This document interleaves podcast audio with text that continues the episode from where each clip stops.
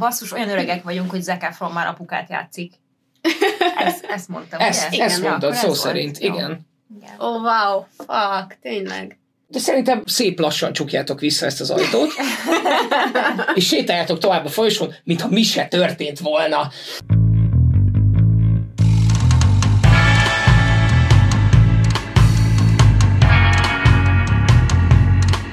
Sziasztok, én Viki vagyok. Én Dávid, Én Julcsi, és ez itt a Skip Intro. nagyon szép. Nem És felejtettem el. nem. És a mai epizódban a felnőtté válásról fogunk beszélgetni egy kicsit, mert hogy mindannyian felnőttek vagyunk, kinda, de leginkább nem magunkról fogunk beszélgetni, hanem az ezzel kapcsolatos filmekről és sorozatokról, amik valami miatt így megragadtak bennünk, és közel állnak hozzánk. Úgyhogy Igen, de és majd közben eh, egy kicsit körül is járjuk ezt a coming of age műfajt, mert hogy pont ezt mondtam a Dávidnak, hogy értem, hogy felnőtté válást akar jelenteni, de hogy egy csomó film coming of age, ami még a felnőttségtől nagyon messze van, tehát így életkor szinten, inkább valamilyen változás, ami ami- keresztül mennek éppen. amikor Júcsi ezt megemlített, akkor így eszembe jutott, hogy igen, mert hogy egy csomó olyan, én is hoztam olyan filmet, meg sorozatot, ami nem feltétlenül tradicionálisan a film elején gyerek, aztán pedig felnőtt, hanem inkább ez a, a, a gyerekkori ö, ártatlanság elvesztése, tehát hogy az ilyen első találkozás a Az felnőttkor feles, felelősségével, az élettel. Az élet dolgai. Hát, Aha, de ez valamilyen ugye hatást kicsit ilyen. kiváltanak belőled, és valamivel Igen. találkozol, amivel addig nem. Neked? Erről, erről fogunk ma beszélgetni. De te is így értelmezted. Hát Vagy igen, ehhez hasonlóan igen, én, én úgy értelmeztem, hogy az ilyen felnövés történetek, ahol hát klasszikus értelembe véve gyerekből fiatal felnőtté válás, de hogy közben meg inkább az, hogy a személyiség fejlődés valami olyan mértékben következik be, hogy az így fundamentálisan megváltoztatja valakinek az életét. Na jó, van egy filmem, amit nagyon-nagyon-nagyon szeretek, és mindenképp szeretnék ma beszélni róla, és nem ez történik benne, amit most Viki elmondott, úgyhogy én majd ezt megvédem, hogy miért számít ennek, mert, mert amúgy az interneten megtaláltam, hogy coming of age filmnek számít, és a közels távol nincs benne felnőtté válás. Geri kicsi blogja filmekről, pont org. Az, az volt a bejegyzés Tízes listáján a Julcsinak plusz egy. igaza. Úgy, A Google, a Google 12. oldalán az volt a cím, Nem hogy igaz. Julcsi, ezt kattintsd le. Nem Igen. igaz, majd meglátjátok. a Júlcsinak Jó igaza lesz. van, az számomra az élet igazából. Én nagyon sok Na mindegy, ne is menjünk ebbe igazából bele. Inkább beszélgessünk arról, hogy mit néztetek a héten, lányok. Ó, a héten, én, én, egy ide, én nem voltam egy ideje ebben a közegben itt közöttünk, úgyhogy uh, én egy Az egész, folyamatosan minden nap együtt vagyunk, úgyhogy annyira nehéz megmondani, múlt hogy héten mikor nem. nem. voltam a skip intróban, előtte héten nem volt skip intro, Előtte, előtte héten meg... Akkor se voltam? De akkor itt voltál. Akkor voltam. Na mindegy, olyan, most olyan távolinak tűnik, de Igen. hogy néztem egy pár dolgot, uh, na jó, nagyrészt újra néztem dolgokat, tehát a háttérben mentek dolgok, de ami új, és néztem, az a Staircase volt, azt Dáviddal együtt néztük az HBO-n. És az ö, továbbra is jó? Ja. Egyre Az jobb. első rész után is jó? Nem, az első rész után már nagyon négy jó. kint van. Ja, az ja, első tudom, rész csak a múlt jó. héten az Igen. elsőről beszéltél. A- Az, hogy az elsőt érdemes megnézni, mert abból kiderül, hogy, hogy, hogy az Ne. embernek ez tetszeni fog-e. Hú, nagyon durva. A második rész az, az elmélyíti igazából a történetet. A harmadik rész leülteti az egészet egy kicsit, és aztán a ne, de csak azért, hogy a negyedik oda jöjjön, és Na, nagyon, Ébredj! nagyon sok minden Nagyon történik a erős. negyedik részben, de az a helyzet, hogy már a szereposztás miatt én akkor is végignézném, hogyha egyébként nem érezném annyira érdekesnek a sztorit, vagy nem tudom. Szóval, és nagyon érdekel, nem tudom, nem tudtam én a történetét az egésznek szándékosan, nem is olvastam utána, nem láttam a dokumentum sorozatot se belőle, úgyhogy nagyon érdekel, de hát Colin Firth az fú, nagyon, nagyon, nagyon durván alakít, úgyhogy, úgyhogy az, az, az volt egy mit, mit, mit néztünk még mostanában? Meg, néztünk mindjárt meg megmondom mostanában? neked, mit néztél mostanában. Voltunk A. Time Travelers Wife. Nem néztem még. Nem meg. néztem én meg. Nem néztem meg, mert csak egy rész jött ki, és úgy gondoltam, hogy egy kicsit várok vele, illetve erősen elgondolkoztam azon, hogy, mert na, szóval az van, hogy én most májusban iszonyatosan vártam az időutazó feleségét és a baráti beszélgetéseket, mert mind a két sorozat HBO, és most érkezik, kivéve, hogy a baráti beszélgetések csak június elején fog érkezni, Hát kiderült. amikor ma kirakták Instára, hogy az csak június elején érkezik, Igen. Hát esküszöm, én amikor megláttam, hogy posztolnak a baráti beszélgetésekről, megnyitottam az HBO appot, hogy na, jöhet. itt van, és aztán mondom, nem, nem, nincs fel, visszamegyek a poszthoz június 4-én, vagy ilyesmi, és így álltam, hogy ez mekkora arconcsapás de, már. Igen, na mindegy, szóval én ezt a két sorozatot iszonyatosan várom, mert mind a kettő egy nagyon fontos olvasmányélmény volt nekem. Az egyik régen, az időtuzó feleségét, azt nagyon régen olvastam, és nagyon szerettem, a másik meg tavalyi ilyen új kedvenc könyvem. Uh, úgyhogy most arra gondoltam, hogy várok egy kicsit. Mi, mi van? Mi a baj? Alig várom, hogy beszélgessünk róla, mert én nem szerettem a könyvet, és alig várom. Jaj, na, az a, Baj. addig baj. én majd kimegyek. Nem kell. Szóval uh, De nem miattatok. arra gondoltam, hogy újra, ha már egyszer most csak az első rész került fel, akkor újra olvasom. Lehet az idő, idő utazó feleségét, és akkor majd úgy fogom megnézni a sorozatot. Szerintem érdemes, mert én most olvastam el a könyvet, direkt azért, mert hogy jön a sorozat, és az az igazság, hogy ez az első, szóval amikor elolvastam a könyvet, már akkor nagyon-nagyon éreztem, hogy mennyire más, mint a 2009-es film, amiben ugye Rachel McAdams van, és nem tudom, hogy ki a férfi főszereplő, mert azt már teljesen el is felejtettem. Az a helyes csávó, de A, a másikra gondolok, semmi baj. Én, okay. én ezt keverem a notebookkal, nem tudom miért. az a Ryan Goslingos, Gosling de van. nem, de nem. A lényeg, hogy, Hogy hogy azért, mert Rachel McAdams mind a kettőben, azért kevered. És szerelmes mind a kettő. A lényeg, hogy azt érzem, hogy ami a, a 2009-es filmből kimaradt, ami a könyvben benne van, az viszont benne van a sorozatban. Legalábbis az első rész alapján. Az első rész, ahogy elindult, fú, nagyon nehézkes volt, és nagyon-nagyon aggódtam, de az utolsó negyed óra, 20 perc az annyira atomkirály volt, hogy megnyugodtam. És azt gondolom, hogy akik imádták a 2009-es romantikus filmet, azok ezt nem fogják szeretni. Az a baj, én nagyon szeretem, Erik Bana, igen, ő volt benne. Én nagyon szeretem Rachel Akartam kérdezni, ki a banat az. Nagyon szeretem Rachel McAdams-t, és, és én nagyon szerettem ebben a szerepben, úgyhogy én egy kicsit azért aggódom. Valamiért azt gondolom, hogy a csávó az jó lesz ebben a sorozatban. Nagyon jó, Teo James. Elfelejtett, igen. James Miben, Teo? őt honnan ismerjük? Mostanában valamiben láttam, vagy talán több dologban is, és Ó, meg, meg a nem mondom. hogy- Theory of Everything. Erre lehet Di-? Csak Na, nekem az volt a fejben, hogy ez, hogy ez a csávó ilyen abban. harmadrangú dologokba szerepelt. Hát a Divergence-nél halmadrangúbb kevés van. De nem, Ez a straight to DVD, uh, hogy Nem, az hívják? volt moziba. De már mint a, a Hunger Games straight to DVD verziója, a Teljesen élveztem Divergence. azt a filmet. Én is élveztem, de mi nagyon szeretjük az ilyeneket. Négyes, igen. Ő, de ő az, csak én valahonnan máshonnan, mindegy, tök mindegy. Szóval, Na, várj, megnézem. szóval egy kicsit most ezzel még így, így várni fogok. Úgyhogy nem, nem nagyon néztem mást uh, eddig a Staircase. Valamit még néztem, How de nem emlékszem. volt. Friends-et nézel most, hát pihenőn igen. van a Gilmore, úgyhogy most Friends-et néz. Igen. Te mit? Um, Benne volt a Bocsánat. How It Ends-ben? igen. Abban is benne volt, de nem a, mindegy. És, és az az Oh. igazság, hogy tökre megértem, én imádom Rachel McAdams-et, és imádom az összes romantikus filmben fú, leginkább a, Miért rám nézel? A, a Én fogom szeretni? Tudjátok melyik, tudjátok melyik, amit nagyon szeretek, ami szintén időutazós is, ő a főszereplő, és az a nagyon cuki vörös csávó. About time. az About About Time. Time. Én imádom az összes ilyenbe, és az, a Az helyzet, Rachel hogy McAdams. az, igen, igen. Komolyan? És én imádom ezekben a szerepekben Rachel McAdams-et, Más és haja. imádtam a filmben, és most, hogy elolvastam a könyvet, már a thriller alapján és az első rész alapján meg főleg azt gondolom, hogy Rose Leslie fantasztikus erre a szerepre. És nagyon más, mint, a, mint amit Rachel McAdams hozott. Szóval nagyon aggódok, hogy neked nem fog tetszeni, de nekem nagyon tetszik. Én nem vagyok ilyen előítéletes, szóval hogy attól, hogy szeretem a Rachel McAdams, még nem fogom azt mondani, hogy a másikkal nem jó, szóval én tök nyitott vagyok. egyébként. Kivéve, ha Batmanről van szó.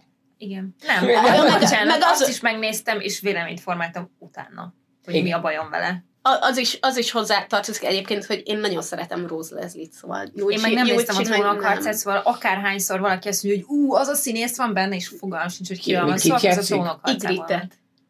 Igrit, igrit. Tudod, a Jon Snow-nak a csaja. Igen. A barlangban. Oh yeah, bizony. A kis varóc. ja, ja, ja, ja. Nem volt nagyon sok szerepe, nem kell sokat csillogtatni, na. De, De azért elég sokáig benn van. hát igen, de csillogtatni nem nagyon kellett. Na, mit néztetek a héten? Na, mindegy. Meg volt a mai 10 Na, perc róma ameddig harca. uh, 10 perc volt ez? Simán. Amit szerintem Victoria. mindannyian megnéztünk, nem tudom, Így nem lesz néztétek 10 a perc. besugó végét? A, Még nem, én uh, megnéztem még egy részt. Jó, akkor majd azt megbeszéljük jövő héten. Én végignéztem a Working Moms című sorozatnak az új évadát. Az egy kanadai, um, uh, hát ilyen, ilyen, hogy mondják ezt, ilyen comedy sorozat uh, fiatal anyukákról. Úgy indult, most azt hiszem ez a hatodik évad volt, úgy indult, Ó. hogy akkor mindannyian egyszerre terhesek voltak, és hogy hogyan hogyan igazítják ezt össze meg az újszülöttjeiket a munkával, és, és a baráti kapcsolatokkal, és a házasságukkal, és párkapcsolataikkal, és stb. stb. Elképesztően vicces, és az igazság, hogy körülbelül a harmadik évad után elég mély repülésbe ment át a sorozat, és most is azt éreztem, hogy ez egy gyengébb évad volt, de még mindig borzasztóan élveztem, úgyhogy, úgyhogy nagyon-nagyon nagyon-nagyon szeretem, és ajánlom.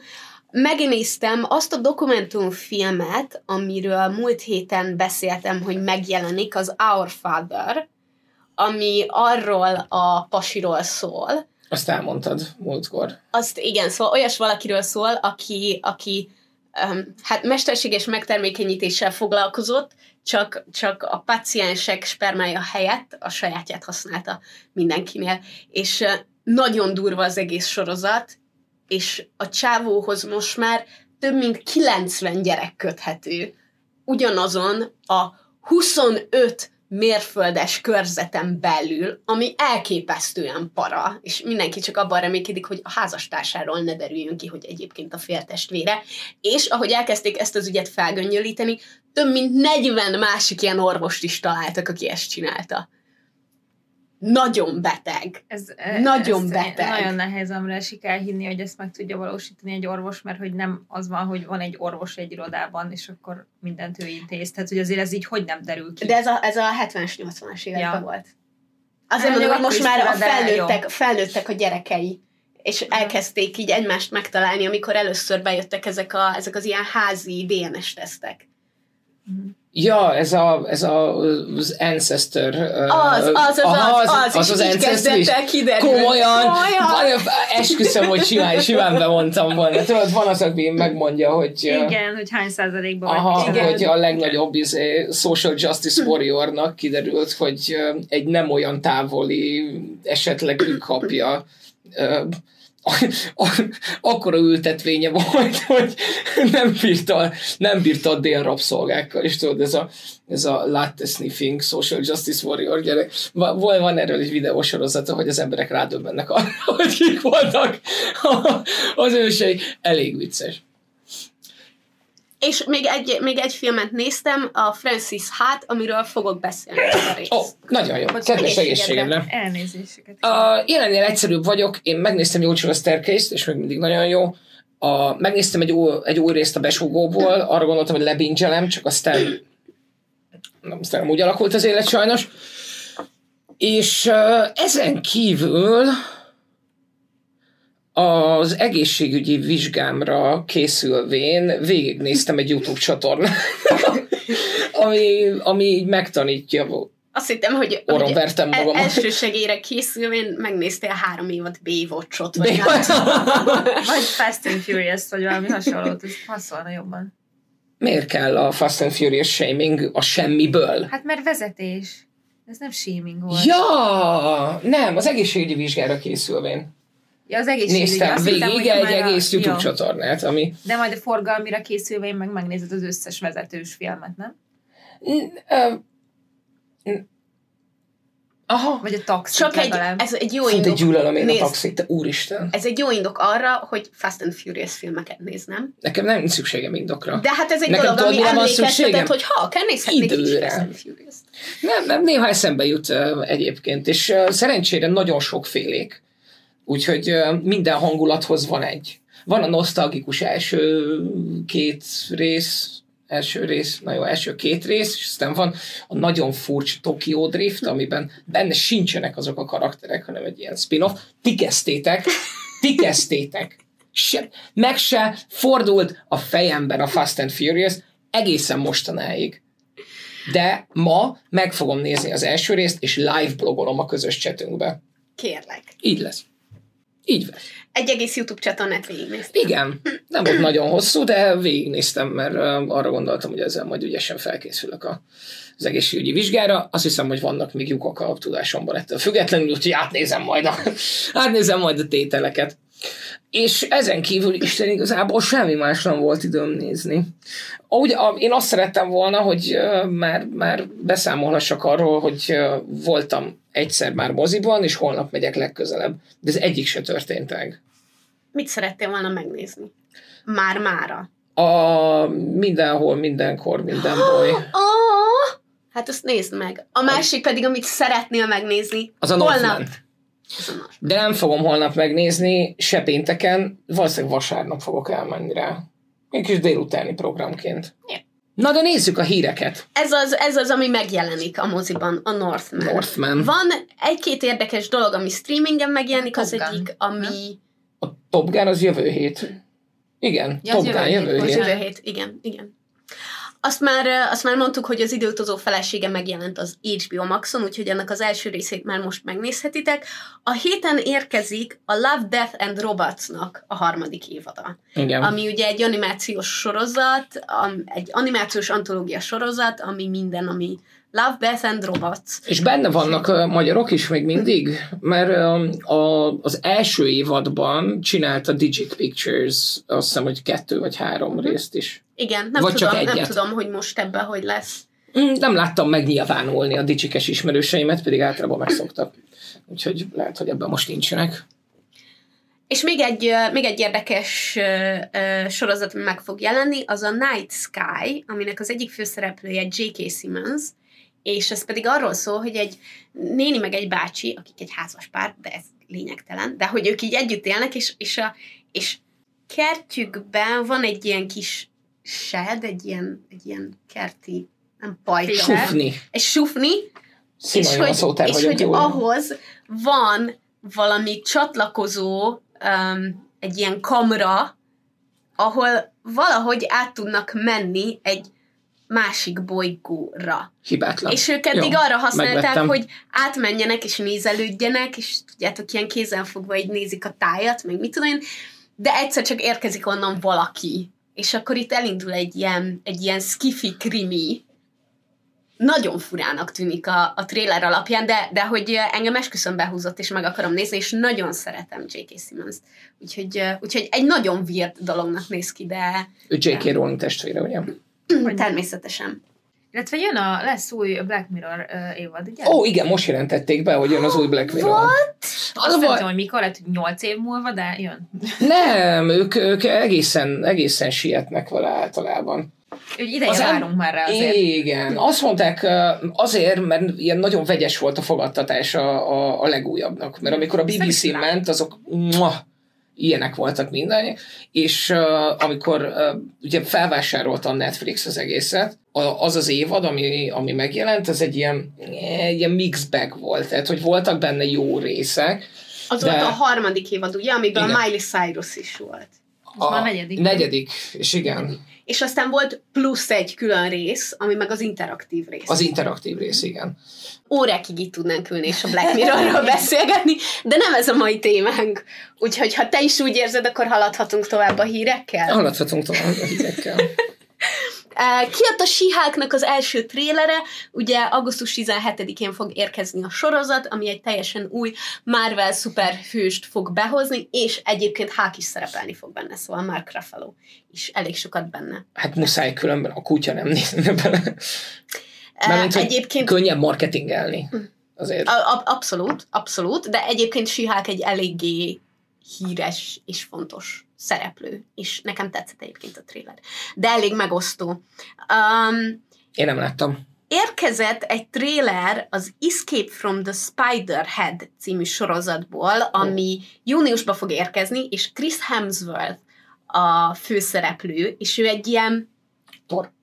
hát egy ilyen tudom, go- gonosz szerepet játszik, egy olyan céget vezet, ahol egy újfajta büntetés végrehajtási intézményt üzemeltetnek, és igazából kísérleteket végeznek arabokon. Például ilyen gyógyszeres kísérleteket. Csak arabokon? Vagy Aha. keresztényeken is? Úgyhogy ez elég jónak néz ki, és Chris Hemsworth nagyon, én, én nem tudtam elképzelni nem egy gyámoltalan szerepben, Uh, úgyhogy ez nagyon, nagyon érdekes. Félve kérdezem, de Chris Hemsworth egy jó színész egyébként? Tehát, hogy... Szerintem ez ebbe ki fog derülni. Ja, nagyon örülnék, mert eddig mindig csak olyan dolgokban láttam, ahol bőven elég volt a bicepsze. Na, nagyon, nagyon kíváncsi vagyok, hogy ki fog tudni törni ebből, vagy benne, van-e benne valami olyan, amitől egyáltalán ki tud törni valamiből. Nem tudom, miért direillenem a híreket, nem és tudom. verem magam másodszor a szemen a kapucnimmal. Kijött az első tízer arról, hogy mi lesz a Pixarnak a következő nagy dobása, ami jövő nyáron fog érkezni, és az Elemental címet fogja viselni, és ez egy, ez egy olyan sztorit fog feldolgozni, ahol a különböző elementálok, tehát hogy ez ilyen, nem tudom, a víz, víz szűz, föld, ezek, Aha. Ő, ők lesznek a karakterek, és valahol olyasmi vonalon fogják vinni a történetet, hogy mondjuk egy tűzelementál és egy vízelementál hogyan találhatják meg úgy a közös pontokat egymásban, hogy egyébként ránézése nagyon úgy néz ki, hogy, hogy semmi közös nincsen bennük. Ó, és akkor lehet belőle majd következtetni a társadalmi szegregálódásra. Például. Oh, oh my god! Just Pixar things. Pixar things. Uh, jó, nagyon tetszik.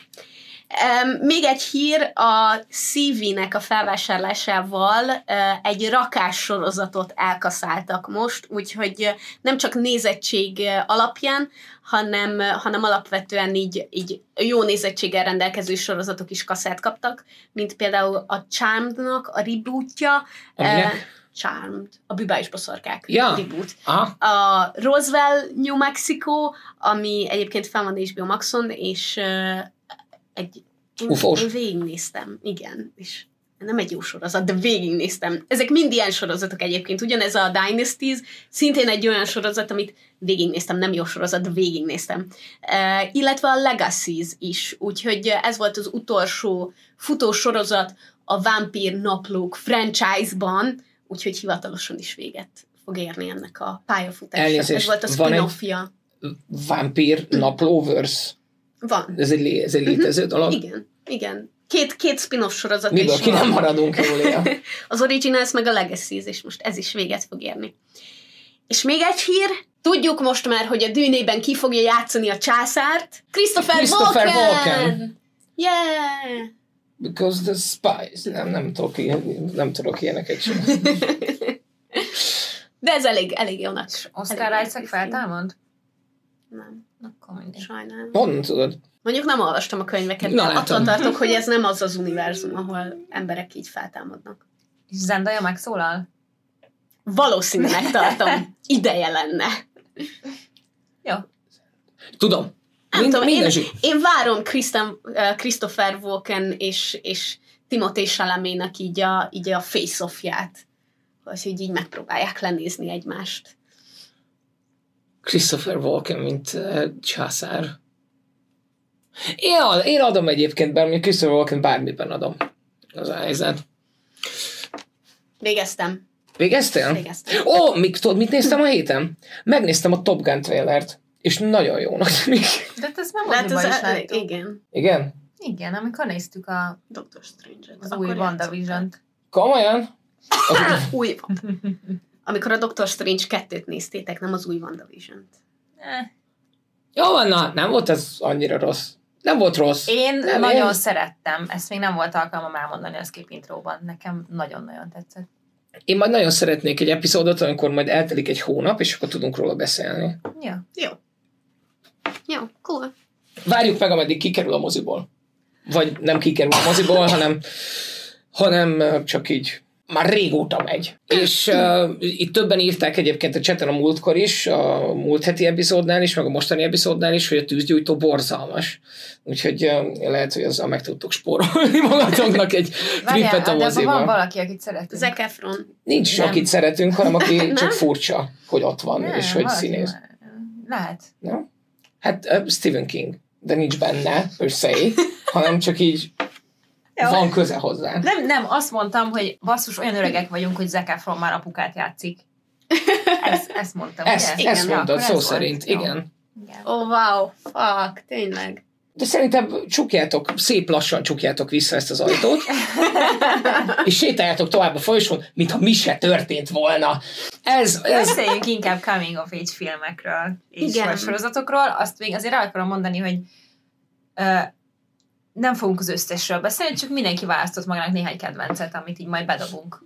Nekem meg Igen. holnap után reggelig. Igen, én uh, három olyan van, amiről mindenképpen szeretnék talán egy icipicit hosszabban beszélni, meg úgy érdekel a véleményetek róla, és uh, hoztam egy csomó ilyen honorable mention amit csak így be akarok dobni címként, hogyha, hogyha valakinek, mert nekünk ez mindig problémánk, hogy tudod, amikor nézel valamit, és beleszeretsz abba a filmbe, és iszonyatosan jó volt, és akkor fú, de néznék valami hasonlót. És um, a Coming of Age-nél általában azért beszokott, uh, beszokott ez kapcsolni. Igen, hát azért ez, ez egy olyan film, öm, hogy mondják ezt magyarul? A Zsáner. Zsánre. Műfaj. Zsáner. Zsével, zsánra. ami, ami azért szól nagyon sok emberhez, mert hogy mindannyian voltunk fiatalok, és ez a, fel, ez a felnövekvés történetek, ezek mind ilyen nagyon erős nosztalgiát tudnak ébreszteni egyrészt, másrészt pedig nagyon könnyű azonosulni, mert hogy azért, azért egy tinédzser korban egy ilyen felnövek, akármilyen szempontból is uh, vizsgálunk egy ilyen felnövekvés történetet, azért nagyon sok, nagyon hasonló dolgon megyünk keresztül, és mindig nagyon jó olyat nézni szerintem a képernyőn, amivel ilyen igazán mélyen tudunk azonosulni. Hát meg az is benne van szerintem, hogy ezek tök jó emlékeztetők. Tehát, hogy ezekben a filmekben nem, nem csak az számít, hogy most ez a karakter, és ő hány éves is, mit tudom én, mi lesz a vége, hanem, hogy amivel szembesül, az egy ilyen első felfedezés, és akkor hogy reagálok rá, és nem tudom, és simán lehet, hogy mi már felnőtt korunkban is szembesülünk még ilyen dolgokkal, és így elfelejtjük, hogy tudod, hogy így, így a reakció, meg hogy hogy lehet ezt kezelni, meg hogy így nem tudom. Tehát egy cso- csomó szempontból tök jó ilyen emlékeztető morzsák vannak ezekben, és azért van az, hogy releváns akkor is, ha 30 plusz éves fejjel nézel egy tizenvalahány évest, akivel éppen történik valami nagy életdolog, ami tök más, mint ami vele történik, de hogy a, így a sémák, meg, meg a nem tudom, lehetnek nagyon hasonlóak. Meg hát a legtöbb probléma az tényleg olyan, hogy nem tudom, a szülőkkel a kapcsolat, a barátokkal a kapcsolat, az iskola, az iskolatársakkal a kapcsolat, a tanárokkal, az első szerelem, a nem tudom, a költözés, az új környezet, egy csomó ilyen dolog van, Az amit önismeret. Ó, de hát Az akkor még, akkor még azt se önfelfedezés. tudod, mi az a szó. De, De hogy ezek mind olyan dolgok, amikkel valamilyen szemszögből, de már szembesültünk, és, és ezért nagyon jó ezeket újra átélni, meg, meg tényleg jó emlékeztetve lenni arra, hogy ezekkel mondjuk hogyan küzdöttünk meg, vagy mondjuk felnőtt fejjel hogyan nem az, hogy hogyan csinálnánk már máskor, hanem hogy mit tudunk ezekből a tapasztalatokból tanulni, amiket később hasznosíthatunk az élet más területein. Igen, meg sokszor, nem mindig, de sokszor ezek nagyon feel good filmek, vagy ha nem is azok, tehát inkább ilyen dráma, drámaiak, vagy drámai jellegűek, akkor is valahogy a végén nem úgy állsz fel, hogy így jaj, de rossz minden, hanem hogy így, ah, tudod, tehát hogy van egy ilyen, egy ilyen érzés, hogy így feloldódik valahogy a végén ez az egész, és, és Igen, nem, mert- nem az marad benned, hogy így ilyen feszültség, meg szorongás, hanem hogy így, ja, hát néha nehéz, meg szívás, meg jaj, de hogy aztán a végén majd úgyis megoldódik, és a helyére kerül. Igen, mert szerintem általában azért ezek olyanok, hogy találkozol valami nehézséggel, és a sztori az az, hogy ezen hogyan tudsz felülkerekedni Igen. a, a saját fejlődéseddel, meg, meg stb. Úgyhogy szerintem ezek tényleg tök jók. Igaz? Abszolút. Én, um, nekem mindig ez a nosztalgia faktor volt uh, ebben a legjobb. Meg uh, ugye felnőtté válni rengetegféleképpen lehet. Azt hiszem, hogy mindannyian máshogy éltük meg a, a felnőtté válást, amikor így először szembe jött az, hogy itt valamit csinálni kell. Én emlékszem arra, amikor 19 éves korom hajnalán, akkor kiköltöztem Angliába, és a teljesen tanácstalanul fogtam a kezemben egy áramszámlát, hogy ezért fizetni kell? És, és genuinely, tehát ez a tudtam, csak nem sejtettem életérzés. És nyilván viccesen ez volt az, amikor először találkoztam az úgynevezett felületőséggel, de, de én amondó vagyok, hogy számomra a, a kötelességek, tehát hogy az igazi, való világbeli kötelességek megjelenése, és azok elfogadása, vagy velük való szembeszállás az első jele a felnőtté válásnak. És ez visszaköszön majd egyébként a, a, az általam választott filmekben is. Na, nekem, én egy kicsit szerintem mindig felnőtt voltam, úgyhogy én, nekem nem, nem egy ilyen számla befizetés, meg ilyes. Úgy is, szeretnék bevágni most egy képet én arra. Utálom, de, de hogy nekem sok, tehát én ezt is sokkal ilyen érzelmi oldalról közelítem meg. Tehát, hogy nyilván azért tini korodban iszonyú sok az érzelmed, és így nem is tudod őket így kezelni pontosan, és hogyha valami így pofán vág, mondjuk szerelem, vagy akár barátságban valami olyan dolog, akkor az, az így nagyon, hogy mondjam, tehát, hogy az egy ilyen nagyon hirtelen, ilyen sokként éri a szervezeted, amit valahogy le kell reagálni, és nekem inkább ezek a Aha. helyzetek jelentik, jelentik azt, amikor, vagy, vagy amikor így annyira szeretném már mondani a filmet, meg hogy abban jó, de nyilván majd erről fogunk beszélni. Nem, mert az a kedvencem, és szerintem is, én, nekem is De most ilyen, lehet nyitni. Csak meg kell. De nem, nem akarjuk, a, bedobjuk a futottak még kategóriát, és aztán jönnek a... Nem. Nem, mert én nem így válogattam. Ja, Mondd azt, ja, amiről beszélni akarsz. Igen. Ezért vagyunk itt. Arról beszélünk, amiről beszélni akarsz. Így. Szóval az egyik kedvenc filmem egyébként all time, és az, ami szerintem belefér ebbe, az a Little Miss Sunshine, amiről biztos, hogy beszéltem már. Ebben ugye ez egy független film, ami iszonyat nagyot ment, és így senki nem számított rá kb. A Sundance-en tarolt, és aztán kapott két Oscar díjat is, de volt négy jelölése. És az arról szól, ez egy ilyen nagyon diszfunkcionális családról szól, amiben van egy kislány, Abigail Breslin, én azóta imádom ezt a kis csajt, és abban még nagyon kis fiatal volt, azóta sajnos felnőtt.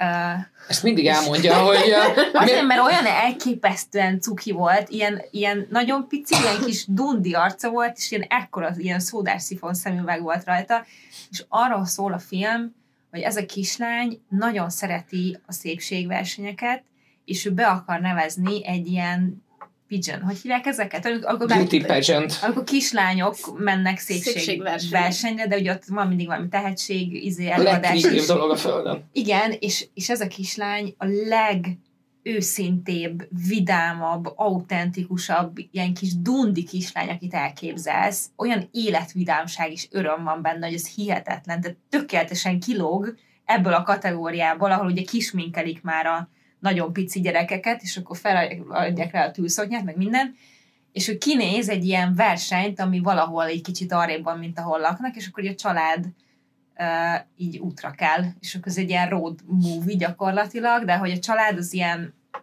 van egy bátyja, aki nem beszél, valami trauma érte, és így nem, ez, ez a, nem is tudom, így tudja kezelni, hogy nem szólal meg Aha. konkrétan. Uh, van egy nagybá, hát vannak a szülei, amik az is egy külön sztori, van egy nagypapája, aki kb. így a legjobb barátja a kis csajnak, és iszonyat karakter. Tehát így nagyon sokféle, sokszínű karakter van benne, és, és igazából erről szól, hogy oda elviszik, és akkor ebbe, tehát hogy itt például a kislánynál van az, még nagyon fiatal, nem tudom hány éves, de hogy hogy amikor így van egy ilyen pont, ami, tehát ugye ezt így tök komolyan mondani, hogy ő szépség királynő akar lenni, és így nem lát semmit ebből, hogy ő mennyire más, mint a többiek, akik itt beneveznek, és aztán nyilván így utána szembesül vele, hogy hát én nem vagyok olyan vékony, meg én nem vagyok olyan nem tudom micsoda, és akkor az anyja mondja neki, hogy, hogy így, hogy, hogy az vagy, ami akarsz. Ha vékony akarsz lenni, vékony vagy, ha kövér akarsz lenni, kövér vagy, teljesen mindegy, az legyél, ami akarsz lenni. És tehát ugye olyan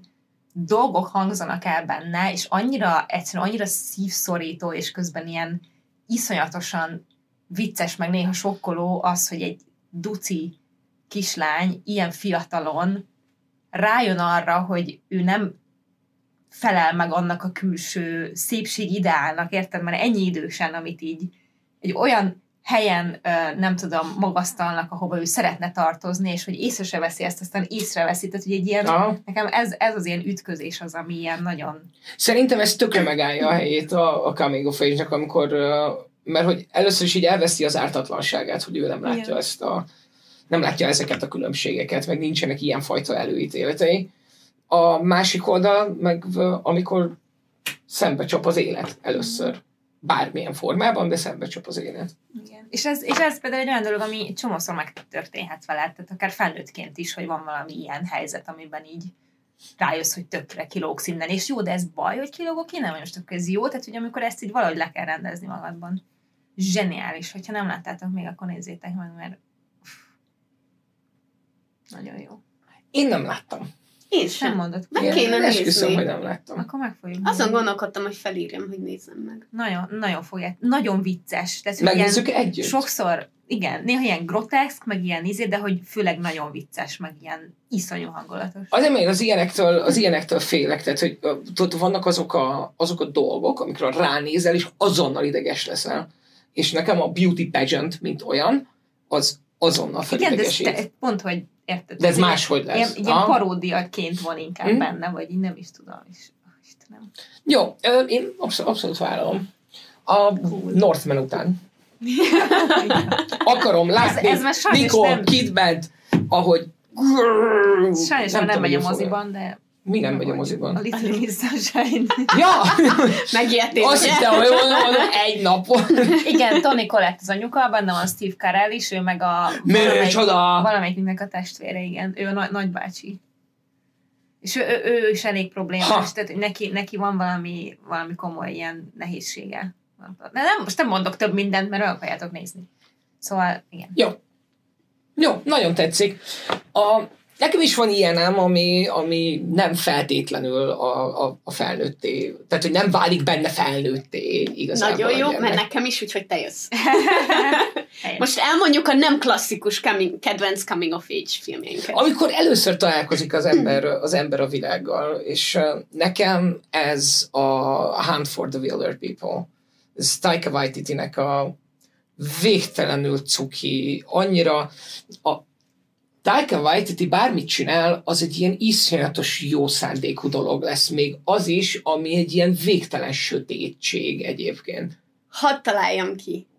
Taika Waititi-nek a láncos kutyája vagy. Igen. Vállaltan. De ezt tudjuk. Vállaltan. Absz- abszol- abszolút vállaltan. Amellett, hogy nagyon-nagyon szép helyen játszódik a film, ez Új-Zéland erdeiben, hegyeiben Ó. játszódik egy kisfiúról. Egy kisfiúról szól, aki, aki á, egy árva kisfiúról, akit uh, örökbe fogadnak, és így ideig minden nagyon-nagyon jól alakul, de aztán megint tönkre megy az élet újra, és el kell mennie.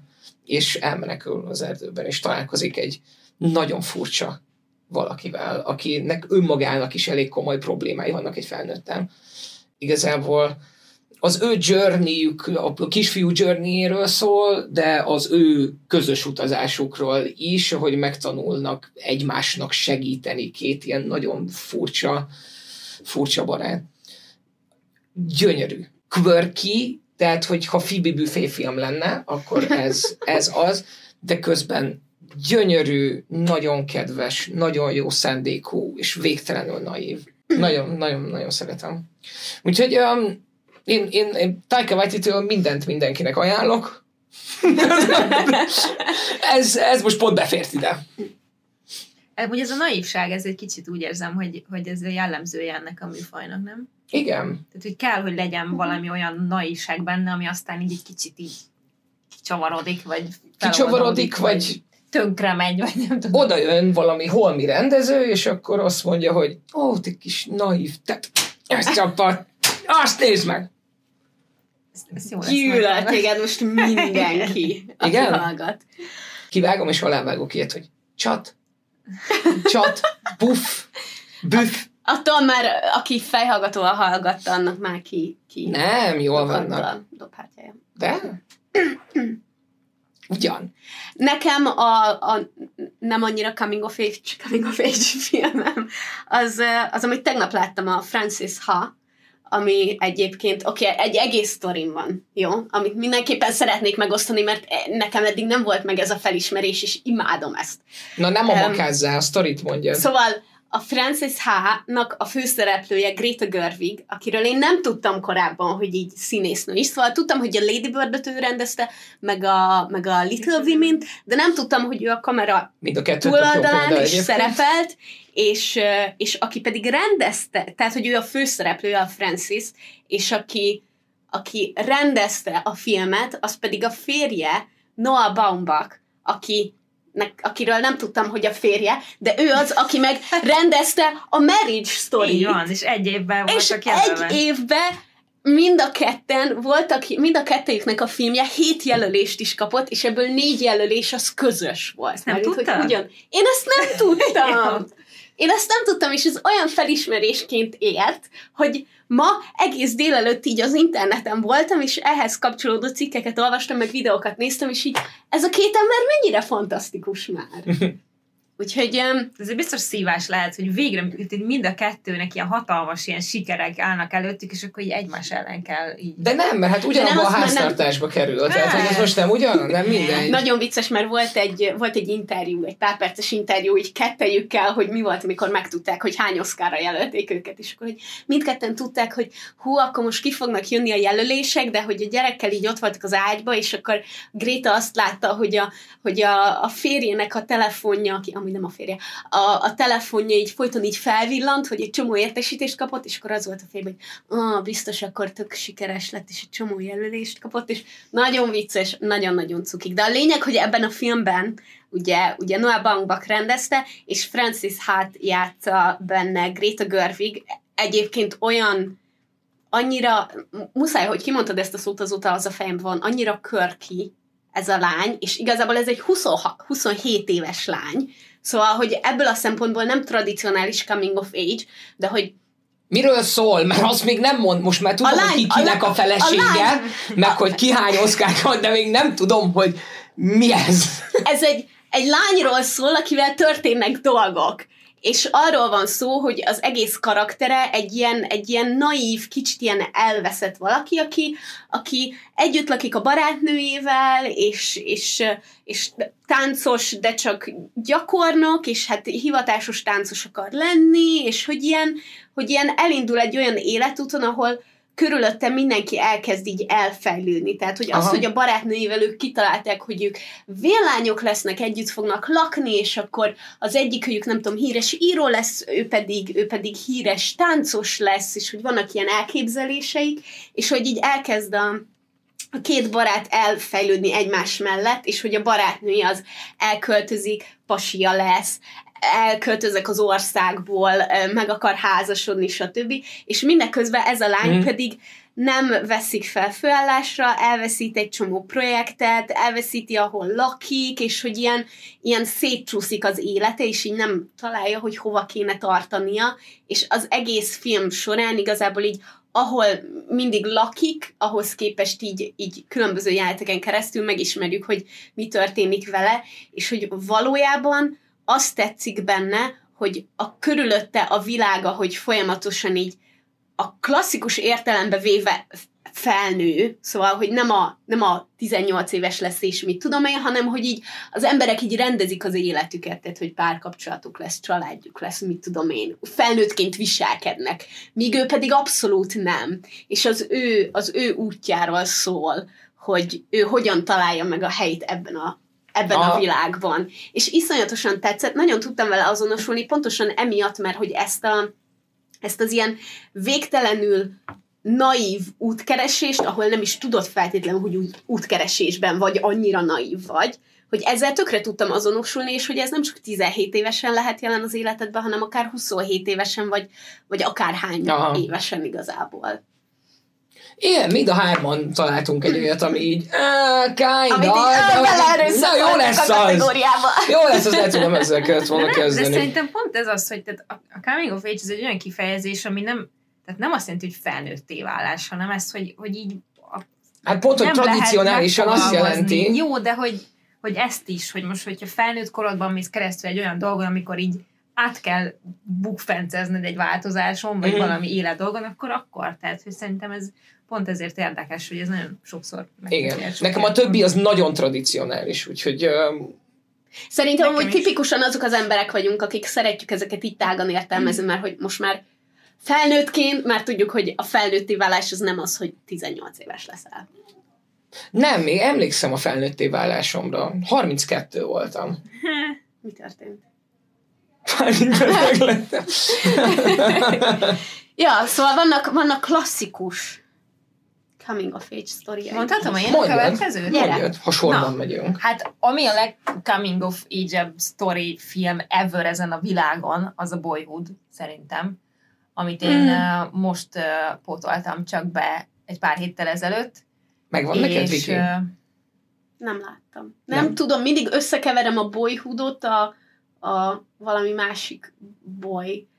About a boy Igen. Nem. Ne- A más. Boyhood, a Boyhood az uh, Richard Linklaternek a filmje, amit 12 évig forgatott, és uh, ez ugye azért érdekes, mert hogy valós időben mutatja be igazából egy kisfiúnak a, a felnőtté válását 6 éves kortól 18 éves koráig, tehát hogy ugyanazt a Mhm. színészt használta, és uh, amúgy 45 nap volt maga a forgatás, de hogy ez így 12 évre leosztva, és um, Ethan Hawke van benne, és Patricia Arquette, ugye? Azt A- hiszem, úgy hívják őket. Bocsánat. Um, és uh, ez egy zseniális film. Tehát, hogy alapból alapból konkrétan erről szól, és ami, ami nagyon-nagyon jó benne, én már egyébként így leborulok az ilyen filmes bravúrok előtt is, amikor, amikor ez, hogy 12 évig kitartasz egy projekt mellett, és halvány fogalmat sincs, hogy mi lesz abból, meg így az anyagi, nem is ezt tudom képzelni, hogy ezt hogy lehet megvalósítani, de, de az az igazán zseniális benne, hogy nem az ilyen nagyon fontosnak tűnő momentumokat, meg szakaszokat mutatják be. Például most eh, spoiler, de a legelejétől tudjuk, hogy elválnak a szülei ennek a fiúnak, és nem mutatják konkrétan a vállást, nem mutatják a, az ilyen nagyobb életeseményeket, mint egy ballagás, vagy nem tudom mi, hanem ilyen hétköznapi pillanatokat ragadnak ki ezekből az adott életkorokból, és olyan egy kicsit, mint hogy hát úgy lett leforgatva, mintha több kisfilm lenne, mindig az adott életkorból, és ezeket így összefűzték, de tökéletesen összeáll egy filmé, csak ilyen, ilyen teljesen elképesztő, hogy tehát ez pont az, amit én nagyon szeretek, amikor hétköznapi helyzeteken, sztorikon keresztül mondanak el iszonyatosan fontos dolgokat az életről. Ezt annyira tökéletesen csinálja ez a film, hogy így nem is nagyon van más, amit el lehet róla mondani, szóval szerintem aki ebből már el lehet dönteni, hogy valakinek tetszeni fog-e, vagy nem. És uh, én mindenképp ajánlom megnézni. Nagyon hosszú amúgy, nem tudom milyen hosszú, de nagyon hosszú. E- Nekem ezt a filmet már ezerszer ajánlották, és meg fogom nézni most már.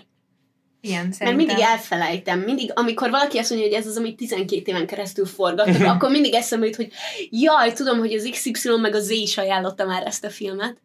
De most már, eh, most már megnézem. Hát 2 óra 45 perc, szóval uh, tényleg úgy rá kell szállni az időt, de szerintem nagyon-nagyon megéri. Én jövök? Te jössz. A, nem is tudom, hogy melyiket. A, azt hiszem, hogy össze fogok vonni kettőt, mert itt tudok egyszerre beszélni róluk, de azt majd akkor, azt majd akkor a végén. A, nekem a Holdköltők társasága jut eszembe mindig, amikor valaki azt mondja, hogy, hogy ilyen coming of age. Azért, mert nekem az elvárásokkal való szembenézés és az a, az elvárásokhoz fel nem növés, és az abba belecsukvás, vagy belecsuklás, az, az egy ilyen nagy felnőtté váló drámai, kicsit traumatikus, elég traumatikus élmény volt számomra. Ezért nagyon rezonálok azzal, amikor ezt egy filmben valaki, valaki visszaadja. Ez egy uh, boarding school, uh, hogy hívják? Uh, ilyen Bentlakásos. bentlakásos istáló iskola. Istenő. Hát így hívják azokat, tudod, aki, a, ahonnan a nagy egyetemekre mennek be az, a, a diákok. hallottam még. Én se. Istáló. Így, így hívják. Istáló. Nem tudom. nem úgy hívják, hogy elitiskola? Nem.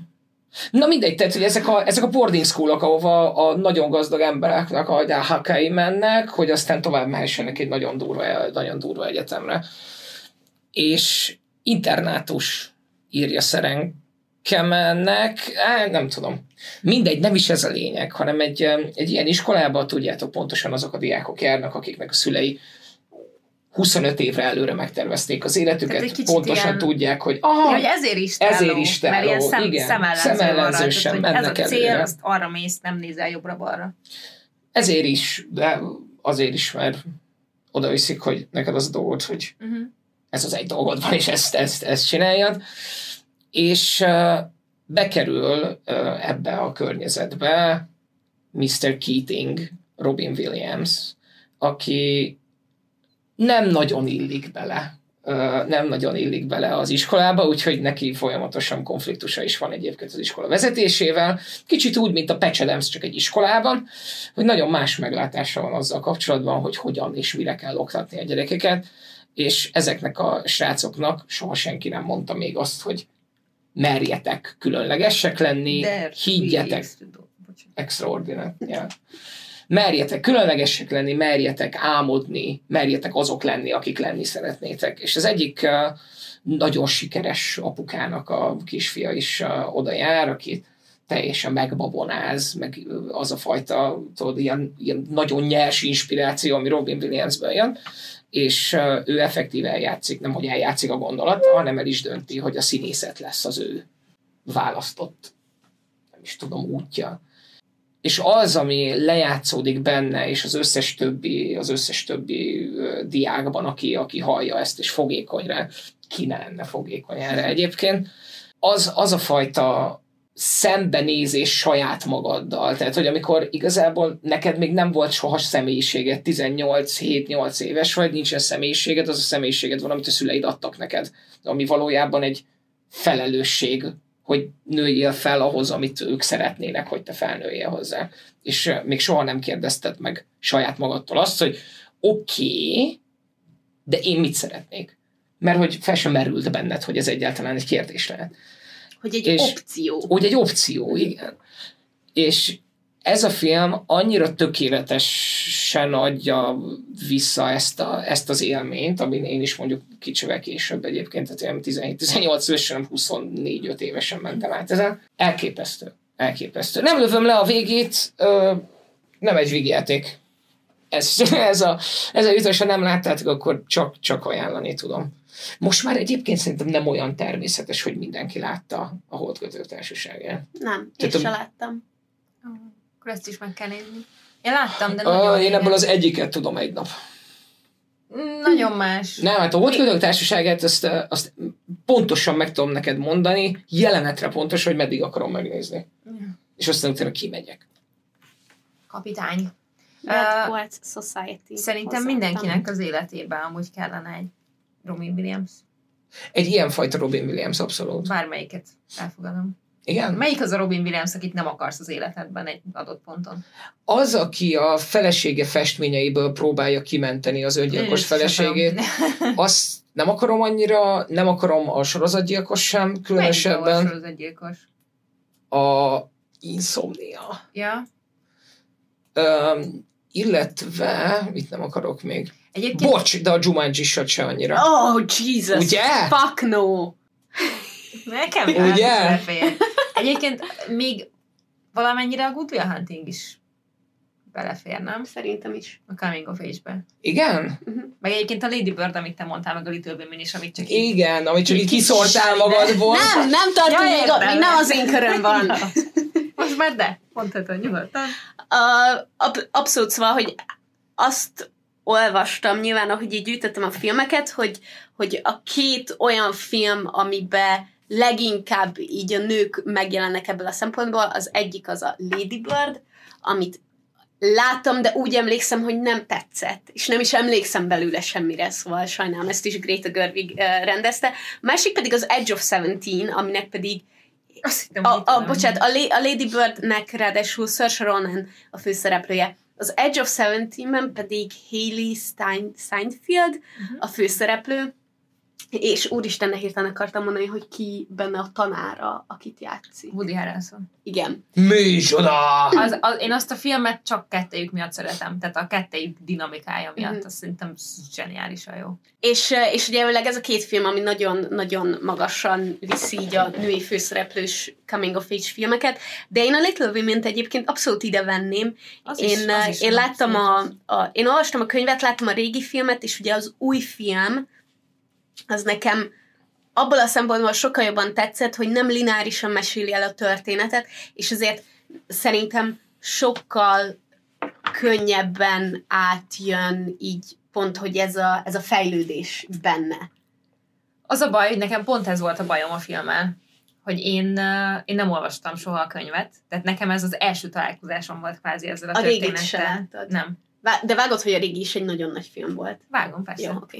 Vágom, de ne, nem láttam, és nekem ez az első találkozásom volt vele, és én, én Greta Görvéget egy nagyon jó rendezőnek tartom, mert szerintem a Lady Bird is egy bazi jó film, és a Little Women is egy nagyon jó film. A Lady Birdben én, én azt azért nem szerettem, mert nem tudtam szimpatizálni a főszereplővel, és ez valószínűleg szándékos volt, de hogy egyszerűen annyira irritált időként, hogy így ez engem így, így zavar, hogyha nem tudok úgy kapcsolódni. A Little Women pont ez volt a baj, hogy nem volt szerintem számomra, aki most találkozott először a történettel, megfelelően jól elválasztva, hogy melyik idősáv mikor van. Tehát, hogy nem mindig tudtam követni egyszerűen, hogy most így mi van. Uh-huh. Mert hogy így valahogy ez a része nem sikerült jól, de szerintem amúgy nagyon jó a film, és szerintem abszolút klasszikus coming of age, ráadásul több szereplőn keresztül zajlik, úgyhogy, és mind a kettőben benne van, benne van Timothy Chalamet egyébként. És, eh, és, és pont, ezért, pont ezért nekem így hogy, így, hogy több szereplős is, és én nagyon, szerintem a régi film is jó egyébként, ami abszolút így kronológiai sorrendben meséli el, a könyv is úgy meséli el, viszont itt úgy érzem, hogy sokkal jobban tudtak időről időre egy-egy karakterre fókuszálni, és sokkal jobban kijött az, hogy éveken keresztül mekkora váltás következett be az életükben, és közben pedig visszamenőleg láttuk a, a változásnak az útját. Úgyhogy szerintem ez így sokkal átérezhetőbb volt, meg valahogy tudom, hogy nem kronológiai, de talán logikai sorrendben sokkal inkább nekem sokkal inkább átjöttek ezek a belső változások, amin, a, amin keresztül mentek ezek a lányok, de ez egy családról szól egyébként, vagy hát a családban négy lány testvérről, és hogy az ő, ő életük uh, hogyan alakul. Melyik is hal meg? Bocsánat, de pont, valaki pont ezt írja a cseten, hogy nekem Rachel annó lelőtte a könyv egyik fontos részét, és amellett, hogy pont itt tartottam a Friendsben ma, Ja. vissza, visszaköszönnek Joy, Joy elkezdi olvasni a kisasszonyokat, és akkor mondja, mondja lelő egy részét, és, és velem pontos ugyanezt történt. Tehát, hogy én is tudtam, hogy mi fog történni a kicsodával a kb. mikor, és hogy amikor néztem a filmet, akkor mondom, ez, Rachel, ezt te lőtted le nekem ezt a poént. De az van, és utána Rachel is elmondja Joey-nak, hogy ne aggódj, nagyon beteg, de fel fog épülni. És ez így is van. Én nem tudok hozzászólni. Azt gondolom, hogy ennyi idő után ez már nem spoiler, úgyhogy... Elő- De minden spoiler, hogyha De nem hogy lesz, akkor nem láttad. lehet beszélni semmiről, érted? De Meg érted, úgy az- szabad beszélni róla, hogy nem mondod azt, hogy ennyi idő után nem spoiler, hanem elspoilolod, mintha mi se történt volna. Ja. Tehát, hogy az első alkalom, amikor beteg lesz, akkor valóban nagyon beteg lesz, de ott vannak mellette, segítenek neki, és felépül. Jó, nem kell a szar. Mi a követ? Aztán Ha már Timothy Chalamet, köszönöm. Ja. köszönöm! akkor nyilvánvalóan nekem a harmadik legfontosabb coming of age film az a Call Me By Your Name, ami valójában egy szerelmi történet, tehát ebben, ami, ami a nyilván a központi téma és a coming of age benne, az az első szerelemnek a története, és én pont azért becsülöm annyira nagyra ezt a filmet, mert igaz, hogy itt két férfi között van egy szerelem, de hogy iszonyatosan jól csinálják azt, hogy nem erről szól, a, tehát hogy a szerelemről magáról szól a film, és, és gyönyörű szép. Amellett, hogy egyébként Olaszországban játszódik, és valahányszor így látom, vagy látok belőle egy képet, rohadtul el akarok menni Olaszországba, mert iszonyatosan hangulatos. Nagyon nyári film, úgyhogy már csak ezért is ajánlom, hogyha már így bennetek van ez a nyár, lehetne már feeling. Nem mindenkinek a csészete állja. De Nem, egy gyönyörű hát, film egyébként. Igen, ez nyilván egyik film sem az szerintem, de ez egy nagyon-nagyon szép film. Ugye Timothy Chalamet játszik benne, és Armie Hammer, akit én nagyon szerettem, amíg ki nem derült, hogy mennyi mindenről maradtam le az ő életével kapcsolatban. Um, úgyhogy most már nehezebb. A- Az a típusú film Nem. egyébként, ami, ami nem nem egy ilyen nagy cselekmény, és akkor azt így követed, és, és nem tudom, hanem így, hanem így csak így történnek dolgok, és csak így visznek az érzések, és ilyen apróságoknak tűnő dolgokat mutat be igazából részletesen, de hogy pont ez az, hogy nem az a lényeg, hogy mi történik, hanem hogy mik azok az érzések, amik keletkeznek, és nagyon sok ember nem szereti az ilyen típusú filmeket. Nekem- Nézzen akciófilmet. Nekem csak bocs. annyi bajom volt, hogy nem adott nekem nagyon-nagyon sok újat. Tehát a, az a történet, amit elmesélt, az, az, az beszélt hozzám valamilyen szinten, mert én egy kempingben nőttem fel. Minden egyes nyáron szerelmes lettem, és minden egyes nyár végén könnyek között búcsúztunk el, hogy majd írunk egymásnak. És aztán és... Így, ki elfordult a lány, és te így kidobtad a papírt. És jött a következő. Én nem csináltam, de nem vagytok nagyon messze az igazságtól. Uh, szóval ezek a nyári, nyári szerelmek. Én azt gondoltam, hogy egy kicsivel több substance kellett volna nekem ahhoz, hogy, uh, hogy, hogy végig fenntartsa az érdeklődésemet, de, de tényleg gyönyörű, nagyon jók a színészek. Az, amit az apja mond, hmm. az, uh, az lehetséges, hogy benne hát az van egyik legszebb a több, a top 10 kedvenc, uh, kedvenc monológomban és megint elfelejtettem a nevét, pedig most muszáj, hogy eszünkbe jusson, mert a Staircase-ben ő az ügyvéd. Csincsora punkóka. Nagyon rosszul érzem magam. Emiatt. Ne érezd rosszul magad, Júlia. Nem tudhatunk De minden De rohadtul megérdemelni, hogy megjegyezzem most már a nevét. Úgy hívják, hogy Michael Stuhlbarg. Most se fogjuk megjegyezni. Én most már én is nagyon szeretem dolgokban. Mihály. Mihály Stuhlbarg. Ja. Jó, ezt most megjegyezzük. Igen, a kett, ő, ő, ő játszotta ugye Timothy Salami karakterének az apját, és egy ilyen hátborzongató jelenetük van együtt, amiben beszélgetnek. Illetve hát nyilván, Azért álltam fel úgy a film. Uh, igen, és Timothy Salami a, tehát a film utolsó, nem is tudom, három perc az, vagy mennyi, amíg így nézzük az arcát. Tehát hogy szerintem ő ott írta be magát így a filmtörténetben, Aha. meg valószínűleg 28 rendező, meg producer, meg mit tudom én, akkor mondtad, hogy én ezt a fiút szeretném, és akkor mindent te is sinem vagy, szóval. Azért nagyon fontos dolgok történtek abban a filmben. Érzelmi, érzelmi szinten nagyon durván. Igen, az, és az, az, egyébként az a durva, hogy, hogy egy csomó embertől azt hallom, hogy, hogy egy unalmas film. Az. És én pedig közben úgy vagyok, hogy az érzéseim a film közben az ilyen vum, vum, vum, vum, vum. És Bocsánat, hogy... hányszor néztétek meg? Uh, hát háromszor, háromszor vagy négyszer. Igen? Na, azt hittem, hogy, hogy mondok azzal valamit, hogy, hogy, hogy nem tudom, hogy újra akarod-e nézni, de közben amit megmondtál, hogy ilyen, ilyen karácsony feeling, tehát hogy olyan, mint egy vagy, bocsánat, nem karácsony, hanem ilyen, hogy ilyen nyár feeling, és akkor kicsit olyan, mint egy limonádé a léleknek, hogy így fel. Oh, de, ez nem limonádé. Tehát, hogy de szerintem... nem, úgy, hogy a jó leső limonádé a, a léleknek a forró nyári Igen. napon. De, de szerintem az nagyon nem. Nem jól esik, besz... bőgöm magamra. Igen? Esik jól, nagyon Hát fáj. nem tudom, én, én amikor megnéztem, akkor utána így tudom, hogy így hetek, jó mondjuk azért is, mert hogy a, a filmzenét, a playlistet hallgattam egy hónapig. No, Zseniális egyébként, de hogy így éreztem a bőrömön a filmet még Aha. hetekkel később is. Tehát, hogy, és ez szerintem nyilván nem egy ilyen gyakran újranézős fajta, de a világ legjobb filmje, ami a kedvenc filmem sem az. Tehát, hogy a makulátlan elmerő vagyogásáról van szó, ha még nem mondtam volna egy 86-szor, de az is olyan, amit nem tudok, csak így, ah, most leülök, azt megnézem, mert hogy annyira szétszed egyszerűen az egész, hogy, hogy nem, tehát, hogy számomra nem ez a jó film ismérve, most valaki pont írja a hirtelen 30-at, amit imádok, és már százszor láttam, és 150-szer még meg fogom tudni nézni, mert ez egy iszonyatosan könnyű Aha. film, amit így leülsz, és megnézed, és fan, és tök jó.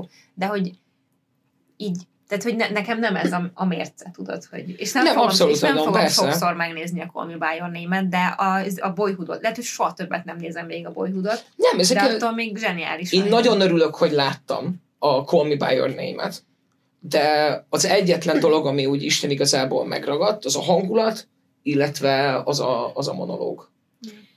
Én, én abszolút úgy vagyok vele, hogy néhány évente eljön az a pillanat, amikor ott ülök egy este, és az van, hogy ez, ez most az az este. Ez most a Call Me By Your Name este. És, és tényleg kell hozzá egy hangulat, meg fel kell rá készülni, meg utána tudni kell ezt utána magával cipelni az embernek, de hogy ez egy olyan, amit viszont én pár évente újra néztem, és újra is fogok nézni, mert tudjátok, amikor így van bennetek egy csomó érzés, amit, amit nagyon nehezen dolgoztok fel, és akkor nagyon könnyű egy ilyen, egy ilyen átvitelt találni, uh-huh. ahol ezeket így nagyon meg lehet élni, meg nagyon ki lehet élni, meg nagyon ki lehet sírni, meg mit tudom én, és ez mondjuk nekem tipikusan egy ilyen film. Én nem ittem utána baraszlevet egy darabig. Ez ennyi. hát igen. Ezzel lehet, hogy más a, más a viszonyunk, de... Azt gondolom, hogy igen.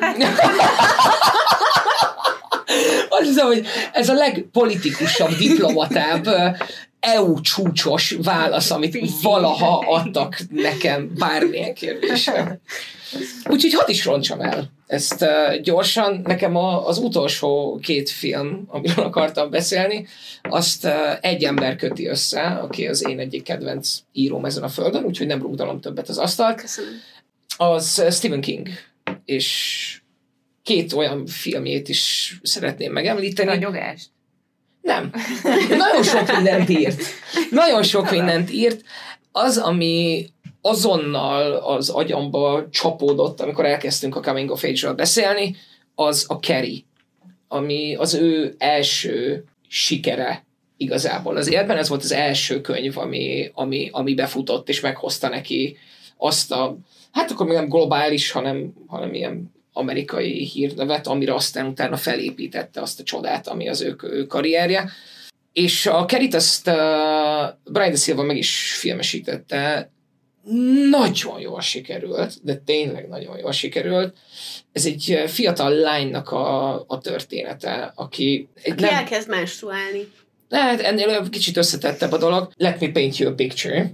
Ez egy nagyon-nagyon elnyomott fiatal lány, akit egyszerre nyom el az édesanyja, aki a hipervallásosságát ráerőltetve a kislányára valójában nem engedi, hogy bármit is tapasztaljon az életből, nem hogy szexuális téren, hanem egyáltalán minden tabu, minden tabu.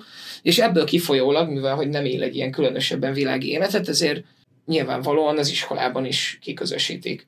És um, ő abban a korban van, amikor a lányoknak először megjön a menzesze, és nem tudja, hogy mi az.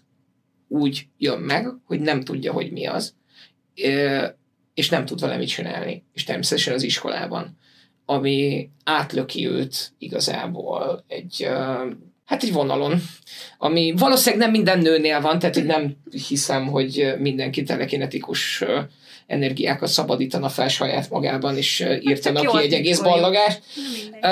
Én tudom, hogy te igazából nem vagy nagyon messze.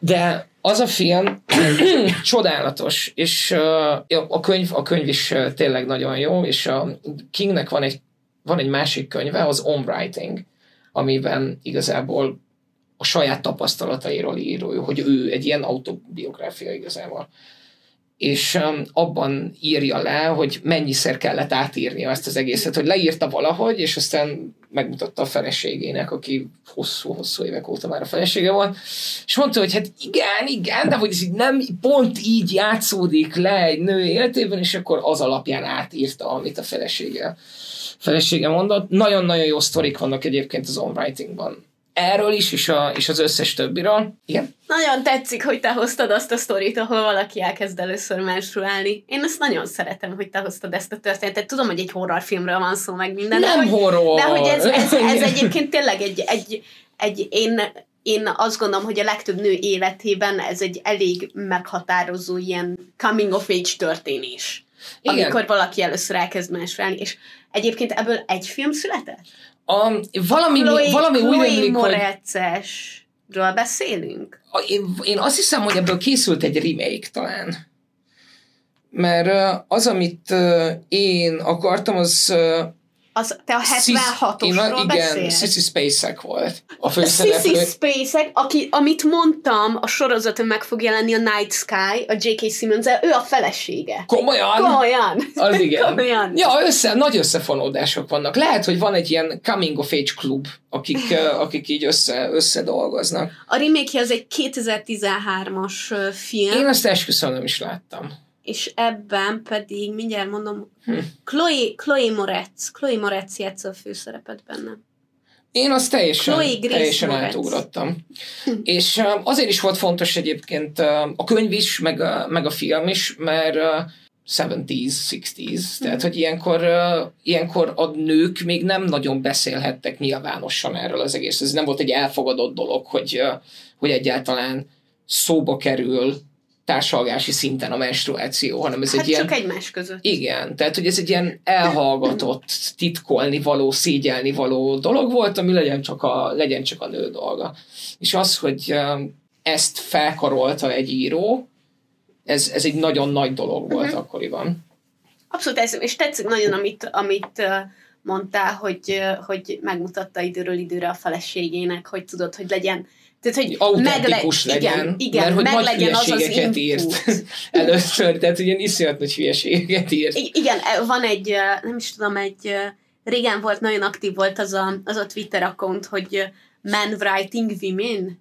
Ó, oh, és ott zseniális példák voltak lehet. arra, hogy néha hogyan írnak férfiak olyan női karaktert, nők megkérdezése nélkül, amit egy nő elolvas és röhög egyet rajta, hogy ezt ja. hogy gondoltad. És ezért nagyon tetszik, hogy... Tehát Kingben nehéz belekötni egyébként. Ő egy író. Igen. Tudod, mint hogy vannak filmek, amikben vannak színészek. Színészek, igen. King egy meg író. egy rendező csinálja néha. A másik, amit tudom, hogy kifutottam az időből, úgyhogy ezt csak így simán megemlítem, nekem ez az egyik kedvenc, kedvenc King művem, ez a Stand By Me és uh, amellett, hogy több oldalról is kötődök, uh, kötődök hozzá, uh, King azt nyilatkozta mindig erről a filmről, hogy ez a leginkább ilyen önéletrajzi ihletésű írása, ami, ami valaha volt, és ennek tökéletes, uh, tök, a, tehát maga a film tökéletesen adja vissza a könyvet. És én szeretném azt mondani, hogy ebben Will Wheatonnek is nagy szerepe van, aki egy, egy geek legenda, egy geek, geek isten, aki egyébként itt indult el, tehát hogy ebben a filmben volt az első, az első szerepe, ezért lehetett utána a Star Trekben, amit sosem láttam, és ez pár fiatalról szól. Itt semmit nem akarok előni, mert igazából a journey a lényeg, az, az út, amit bejárnak, az a lényeg. Négy fiatalról szól, akik találnak egy holtestet és közben ilyen nagyon durva témákat boncolgat a haláltól, az abúzuson át, a, a, a felnőtté váláson keresztül egy, egy nyarat dolgoz fel igazából. Ez is tök jó nyárhangulatú film, kicsit kevésbé Call Me Name-es, de, de tényleg, tényleg nagyon-nagyon szuper. Úgyhogy ajánlom. Mindenkinek! Ez a, aki lemaradt volna a cseten, ez a Stand By Me Állj mellém. Állj már mellém, geci. Ez a magyar fordítása. Nem hiszem, hogy ez Nem? a magyar fordítása. Uh, Akkor micsoda? A geci nincs benne, de szerintem... Állj már mellém. Má és apostrofa. Igen. Állj már mellém. Állj már mellém. Eddig filmekről beszéltünk, de én ezen a ponton szeretnék behozni egy sorozatot, és szerintem ez mind a hárman nagy egyetértésben leszünk ennek a sorozat kapcsán, és nem a Stranger Things-et mondom, azt majd utána mondom, amit most mondok. Állj mellém, igen. Az a Sex Education. Nagy együtt, eh, nagy... Uh... Az, az amennyi, ahány különböző, amennyi coming of age story van abban a sorozatban, az szerintem lehengerlő, és nyilván a Sex Education, ahogy a neve is mondja, azért főként a szex körül forog, de hogy ahogy így, nem is tudom, már három évada van? Uh, ahogy Három, így egyre, egyre jobban kibontották a sztorit, és volt idő többet foglalkozni a karakterekkel, azért így a, az évadok során egyre inkább így szélesedett ez a kör, hogy nem csak így a, a szexről, meg a párkapcsolatokról, meg az első szerelemről, vagy a sokadik szerelemről van benne szó, hanem egyre inkább bejönnek a családi kapcsolatok, a baráti kapcsolatok, a, a, a tanárokkal való kapcsolat, a, a tanulással, a, a, így egyáltalán a jövőképükkel kapcsolatban, meg a, meg a különböző um, életkörülmények, amik között mindenki él, vagyis hát amik között különböző helyzetekben élnek, úgyhogy azt gondolom, hogy a sex educationben nem azt mondom, hogy megszámlálhatatlan, de rengeteg coming of age story van. Az összes. Na ez aztán tényleg nem mindenkinek való. Szerintem ami leginkább kiverheti az embereknél a biztosítékot, pontosan azok, akiknek szüksége lenne rá, hogy, hogy a szexről mennyire természetes módon beszél a sorozat, és, és a szexualitással kapcsolatban, főleg nyilván tínédzser korban az emberben általában rengeteg változás megy végbe, és rengeteg kérdés van, és rengeteg szorongás van, és annyira tabusítva van a téma, hogy ezekről így nem is lehet beszélni, szóval, hogy, hogy most nyilván 31 évesen egészen máshogy tekintek a témára, de az, hogy, hogy én 15 évesen hogyan tájékozottam a szexről, az egy egészen más világban volt, és egészen furcsa módokon történt, de hogy, hogy ez pedig olyan természetességgel beszél annyi különböző problémáról, amiben szerintem szinte mindenki felismerheti magát. És Igen. pontosan ezért szinte oktatás számba megy, mint ahogy a Sex education, mutatja. igen.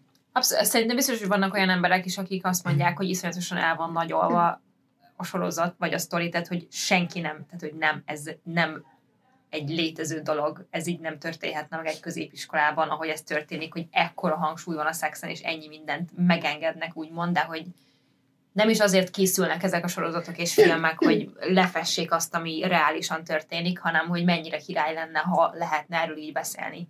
És Tehát nyilván össze vannak sűrítve olyan esetek, amik izgalmasabbá teszik az egészet, meg, Persze, meg de hogy érdekesebbé a plotot. Pont az, hogy szerintem nagyon sokakat idegesít ez a PC kultúra, hogy mindenhova be kell nyomni valamit, de hogy ez meg annyira direkt benne az arcodba erről De hogy ez szól. annyira nem PC ráadásul, tehát hogy Hát de az, Hát ez csak pont hogy ez, ez nagyon, PC. csak nem, hogy ez mert nagyon hogy azért direkt nagyon ki vannak mondva a dolgok. Tehát hogy a PC az pont, pont nem ez. Hát de olyan szempontból, hogy minden filmbe kell rakni most már egy valakit, aki homoszexuális, meg valakit, aki nem tudom mit csinál, érted? ja, ja. Minden szem. Tehát, hogy Aha. ebben minden benne van, de hogy extrém módon minden benne van, viszont ezt ő felvállalja, tehát hogy erről szól, ezért készült a sorozat, Igen. és ezért ezzel tök jól át vágja ezt az egész dolgot, hogy De valakit hogy, ez hogy így idegesít. pajsként tartja maga Igen, előtt igen. azt, hogy, hogy ő nem PC, hanem, hanem ilyen, ilyen Szerintem in nem. your face woke. Nem, És- nem, nem, szerintem, nem. nem, szerintem egyszerűen csak őszinte. Nyers őszintességgel nyúl ehhez Viki, a azt te is témához. hogy ilyen nem történik meg. Mert ez egy fikciós sorozat. Nyilvánvaló. Jó, Tehát, csak természetes, hogy ilyen nem. beszélünk, nem. akkor muszáj azt behozni, hogy nagyon el van túlozva ez a dolog. Tehát, hogy mi... Ja, hát persze nyilván abból a szempontból, tehát hogy persze egy csomó olyan dolog történik benne, ami amúgy nem történik meg ilyen szinten sűrítve, meg ilyen körülmények között, tehát hogy érted, amilyen színdarabot összeraknak, soha senki el se jutna odáig, hogy egy ilyen ja. színdarabot összerakhassanak, tehát hogy nyilván és pont ezért akarom behozni, hogy szerintem ez nagyon jó példa arra, hogy sokszor coming of age sztorikat, ahogy elhelyeznek, az egyben egy nagyon jó ilyen social commentary is. Igen. És, és szerintem ez tök jó példa rá, hogy megmutat egy olyan közeget, ahol ami nagyon, hát nem nagyon, nagyon széles körül, hanem hogy mondják ezt, nagyon sok színű. Igen. És ezért tud ennyire mélyen foglalkozni ezekkel a témákkal. És nyilván, e- tehát, hogy az lenne a lényeg, hogy ebből mindenki magával vigye azt, ami a saját környezetében jelen van. Hát igen, csak az a baj, hogy uh, ugye ez egy nem egy ilyen uh, szemfelnyitó sorozat lesz emiatt, mert hogy olyan emberek nézik általában, akik erre valamilyen formában nyitottak, és nem jut el soha azokhoz, akik, akiknek viszont szüksége lenne arra, hogy egy kicsit színesebben lássák a, a világot. Én, de hogy pont tanultam ezért mondom. Igen? Persze. Lehet, hogy én is tanultam volna, de én Hát, csak az első, második évad felénél vagyok. És szerintem nem is azt, a, tehát, hogy nem azt nem akarja tanítani, hogy fogadjuk el egymást, hanem, az, hanem azt az elképesztő sokféleséget, amivel ha te nem tapasztaltad a saját életedben, akkor valószínűleg nem találkoztál. Meg- és itt meg találkozol vele. Igen, Már de bocsánat, de egy csomó, tehát, hogy ez- csomó gyakorlati tudás van benne. De bocsi, hát ez a, kapcsolatok. de hogy ez szüli az elfogadást, a megismerés. Tehát, hogy az, Hát hogy... jó, de mi, tehát hogyha te egy elfogadó ember vagy, akkor nem feltétlenül kell, hogy tudjál minden egyes külön dologról ahhoz, hogy azt mondd, hogy én elfogadlak, amíg nem bántasz másokat. de ahhoz ismeretek szükségesek, hogy Hm, te szerintem egy nem. elfogadó ember legyen, mert az ember az ismeretlentől fél. És uh, amivel nincsen, nincsen saját tapasztalata, ami új, ami felborítja a status quo-t, ami egy kicsit más, mint amiben ő felnőtt. Tehát, hogy ezek, ezek azok, amiktől az emberek félnek. Viszont ha sok mindent tapasztalsz, kevésbé félsz az ismeretlentől, elfogadóbbá válsz kultúrákkal, szexualitású mindenfélével szemben, és hogyha jön valami új, akkor sokat könnyebben be fogod tudni építeni a, a világképedbe. Csak erre, erre gondoltam. Szerintem egy tök jó példa erre egyébként, a, a, amikor van egy teljes rész, vagy részeken keresztül Éminek a sztoriával foglalkoznak, akit szexuálisan zaklattak a buszon, és, Ó, és, hogy, igen. és, és az van, hogy szerintem tök jó, hogy végigviszik azt az egész sztorit, már csak azért is, mert hogy ez a, ez a szexuális zaklatás dolog, ez egy, ez egy olyan, szerintem a nők számára egy ilyen nagyon megélt, meg nagyon ismerős dolog, a férfiak számára meg egyáltalán nem, és szerintem a férfi nézők ezek után sokkal empatikusabbak tudnak lenni. Mert, mert oké, okay, hogy értik, hogy így szexuális zaklatás, meg tudom de hogy itt olyan részletesen be van mutatva, amit amúgy nekik nem feladatuk tudni, de hogy közben meg tök jó supportot tudnak nyújtani, hogyha, hogyha részletesebben Ja. látják, hogy ez milyen. Én tökéletesen adom a Coming of Age-nek a Sex Education-t. Tökéletesen. És reméltem, hogy, hogy valamelyik ötök fel fogja rakni. Nekem most már csak honorable mentionjeim vannak. Megmondom őszintén, hogy én nem gyűjtöttem sorozatokat, mert hogy van belőle rengeteg, tehát ami ilyen tini korosztály, az ott azért nagyon sok van, ami ennek megfelelne szerintem. De nem gyűjtöttem ilyet is. Például az Euphoria is ilyen, csak azt meg nem láttam, úgyhogy majd ha akarsz kicsit beszélni. róla. Nekem is csak ilyen, ilyen, amik még így vannak, és amúgy filmből is nyilván Bocsi. rengeteg van. Mi van? Okoz csalódást, mondd ki a sorozatot. Milyen sorozatot? A kedvenc coming of age sorozatodat. Én már mondtam neki, de ő nem érzi ezt Nem. annyira. Az a baj, A hogy Gilmore de nem most érzi ennyi erővel annyira. a Friends is lehet coming of age, érted? Mert ők is egy csomó mindenen keresztül mentek 26 éves koruk. De- Nem, nem, nem, Nem, hát hát- a Gilmore Girls az gyakorlatilag Rory felnevését kíséri Igen. végig. Hát igen, csak szerintem nem ez a, nem ez a lényeg benne. A, hát ez az, ami összetartja a... az egészet. Nem, Tehát, hogy nem, a Ro- Gilmore lányok, Emily, Lorelai, Rory, az ő kapcsolatuk tartja össze az egészet, nem Rorynak a felnővése, mert az egy az így megtörténik, és értem, hogy Lehet, hogy én azt gondolom, hogy- de nem Már bocsánat, de én azt mi hiszem, hogy miatt- ezt Rory tartja össze az ő sztoria, tehát Igen, az összes nem. konfliktus Rory. Nem a konfliktus, nem? eleve azért, eleve azért történik az egész, mert, Mert hogy hogy Rory Rory oktatása miatt Igen. kell összerántaniuk a családot, és ezért van szükségük egymásra. Igen. Azt értem, hogy ez a kiinduló pontja a sztorinak, de nem erről szól ez a sorozat. Ennek a sorozatnak a közepe az a Lorelai. Én abszolút értem, amit mondasz, Én viszont is. szerintem a Gilmore Girls egy nagyon jó coming of age story Rory szempontjából. Van egy történet egy, egy fiatal farmerről, aki itt tengeti az életét, Köszönöm. sütre a két nap, és egész egyszerűen érzi magában, hogy sokkal többre hivatott ennél, kell, hogy legyen valami ennél, és él benne a tudásvágy, és él benne a tettvágy, hogy, hogy tegyen valamit. És szeretné, szeretné az eredetét felkutatni. Igen. Szeretné megtalálni, hogy Hogy került ő ő? ide? Mert hogy nem a szüleivel él, hanem Igen. a nagynényével, meg a nagybácsiával. És, és ö, szeretné megismerni a múltját, mert hogy az kövezte ki egyébként azt, hogy ki ő ma. Így van. És végül ez sok több filmen keresztül történik egyébként, de Egy trilógia, nem? egy trilógia, igaz, igazából Aha. hívhatjuk egy, hívhatjuk egy trilógiának. Valójában hat rész kind, de ez két trilógia, de Hát beszél, igazából kilenc, de mindegy. Á, tehát, hogy de ott Ah, még van. Jó, a, szerintem a coming, a bármennyire- coming to age része az, azért az a klasszikusan az a három. klasszikusan az a, az, az a három. És um, ez a farmer fiú egy tragédia hátán belekerül abba a kalandba, amire tudva, akarva, vagy tudat alatt vágyott.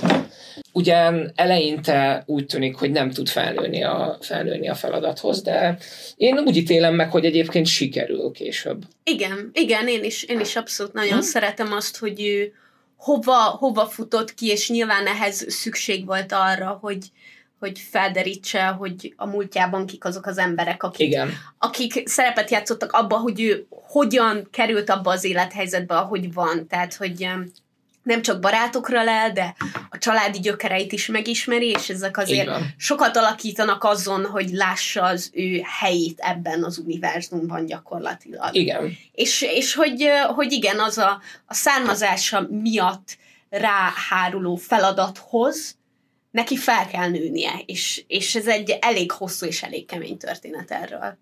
Igen, nagyon nehéz, nagyon nehéz lehet egyébként nem tudni, nincs, hogy nincsenek gyökerei, és nem tudod, hogy ki vagy, és mi vagy ebben a világban. És, És nem aztán- tudhatod, hogy honnan Igen. származol. És aztán, amikor szembesülsz az igazsággal, az így azért sok mindent megváltoztat benned. Na mindegy, egy nagyon-nagyon jó trilógia. Igen, Nagyon- igen, nagyon én, is, jó én is trilógia. csak tudom. Úgyhogy ha van kedvetek, akkor uh, keressetek rá. Én még a City of Godot mondanám egyébként, ami a, a felnőtté válás liberálisan kezeli a felnőtté válás gondolatát, mert hogy Brazíliában játszódik a korrupció és az agresszió kellős közepén, ahol valójában a felnőtté válás az azt jelenti, hogy te vagy felnőttként születsz, meghalsz. Ez két lehetőséged van igazából. Egy brutális film fiatalokról, akik Brazíliában próbálnak boldogulni, az, az, az talán, talán erős szó. Én nagyon-nagyon rég láttam, úgyhogy nagyon komoly részletekre nem is emlékszem, de több listán is előkerült, és csak a, a, tudjátok, arra a fekete, sötét lyukra emlékszem, amit hagyott a lelkemben. Én nagyon örülök, hogy Gyurcsi megemlítette az eufóriát, mert hogy egyébként én felírtam, viszont azért nem érzem ide kapcsolódónak, mert um, oké, okay, hogy tényleg fiatalok felnövekedéséről, felnővéséről szól, és hogy klasszikusan tinédzserekről szól a történet, az igazság, hogy nekem egyáltalán nem pipálja ki így a, így a, így a, a, a hangulatot. Tehát, hogy az eufória az egy végtelenül nyomasztó valami, um, ami tele van mindennel, amivel tele lehet a, drog problémákkal, alkohol problémákkal, mentális betegségekkel, zaklatással, erőszakkal, minden, ami lehet benne, az van benne, és um, két évad van kint, és nem igazán tudok, maximum egy-két olyan karaktert tudok mondani, akiknél ez a coming of age vonal ez így megjelenik, az összes többiek egyelőre csak szenvednek, és nem látom, hogy előre haladnak. Haladnak valahova de nem feltétlenül a felnövés felé. De nem is kell, hogy, hogy, hogy, tehát, hogy, hogy én azt gondolom, hogy, hogy igen, az eufóriában vannak motivumok, de hogyha valaki szeretne coming of age filmeket és sorozatokat nézni, akkor ne az eufóriához forduljon feltétlenül. De igazából, tehát, hogy én nem tudok róla nagyon sokat, de azok, tehát, hogy azok a dolgok, amik megtörténnek ezekkel a fiatalokkal, azok a dolgok, exkluzívan azok a dolgok, amikről azt mondjuk, hogy fiatalokkal semmiképp se történjenek meg, mert talán nem elég érettek ahhoz, hogy ezeket feldolgozzák, nem? Tehát, hogy ebből a szempontból talán pont belefér a coming of age-be, amikor valamivel szembe kell nézned, amire így nem állsz készen még. Szerintem erről akkor tudunk beszélgetni, hogyha láttam. Ha ja. különben, különben nehezen. Viszont amit mindenképp meg, a, tehát, hogy nekem azért ehhez a műfajhoz nagyon um, hozzátartozik az, hogy valami feel good legyen, és hogy a végén legyen, tehát hogy a, a felnövekedés, a végén az ott legyen, a felnövés. Oh. És, um, és ezért, um. ezért például például nagy kedvencem az Atypical, és csodálkozok, hogy egyikőtök sem hozta. A, én az atypical csak az első évadot, uh, az első évadnak a első három vagy négy részét láttam, uh-huh. mert uh, a, az a helyzet, hogy én nem szeretem ezt a színészt, a fa, se, a, se a nőt, se a faszit, nem szeretem se az anyát, se az apát. Uh, ja, hogy az anyát, apát nem szereted, aha, a gyereket.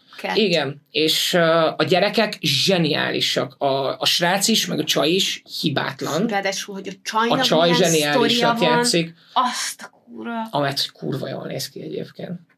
Ó, oh, honey. Mi van? ne, nem, nem akarom leszpoilerezni, hogyha Még férfi. meg akarod majd nézni valamikor.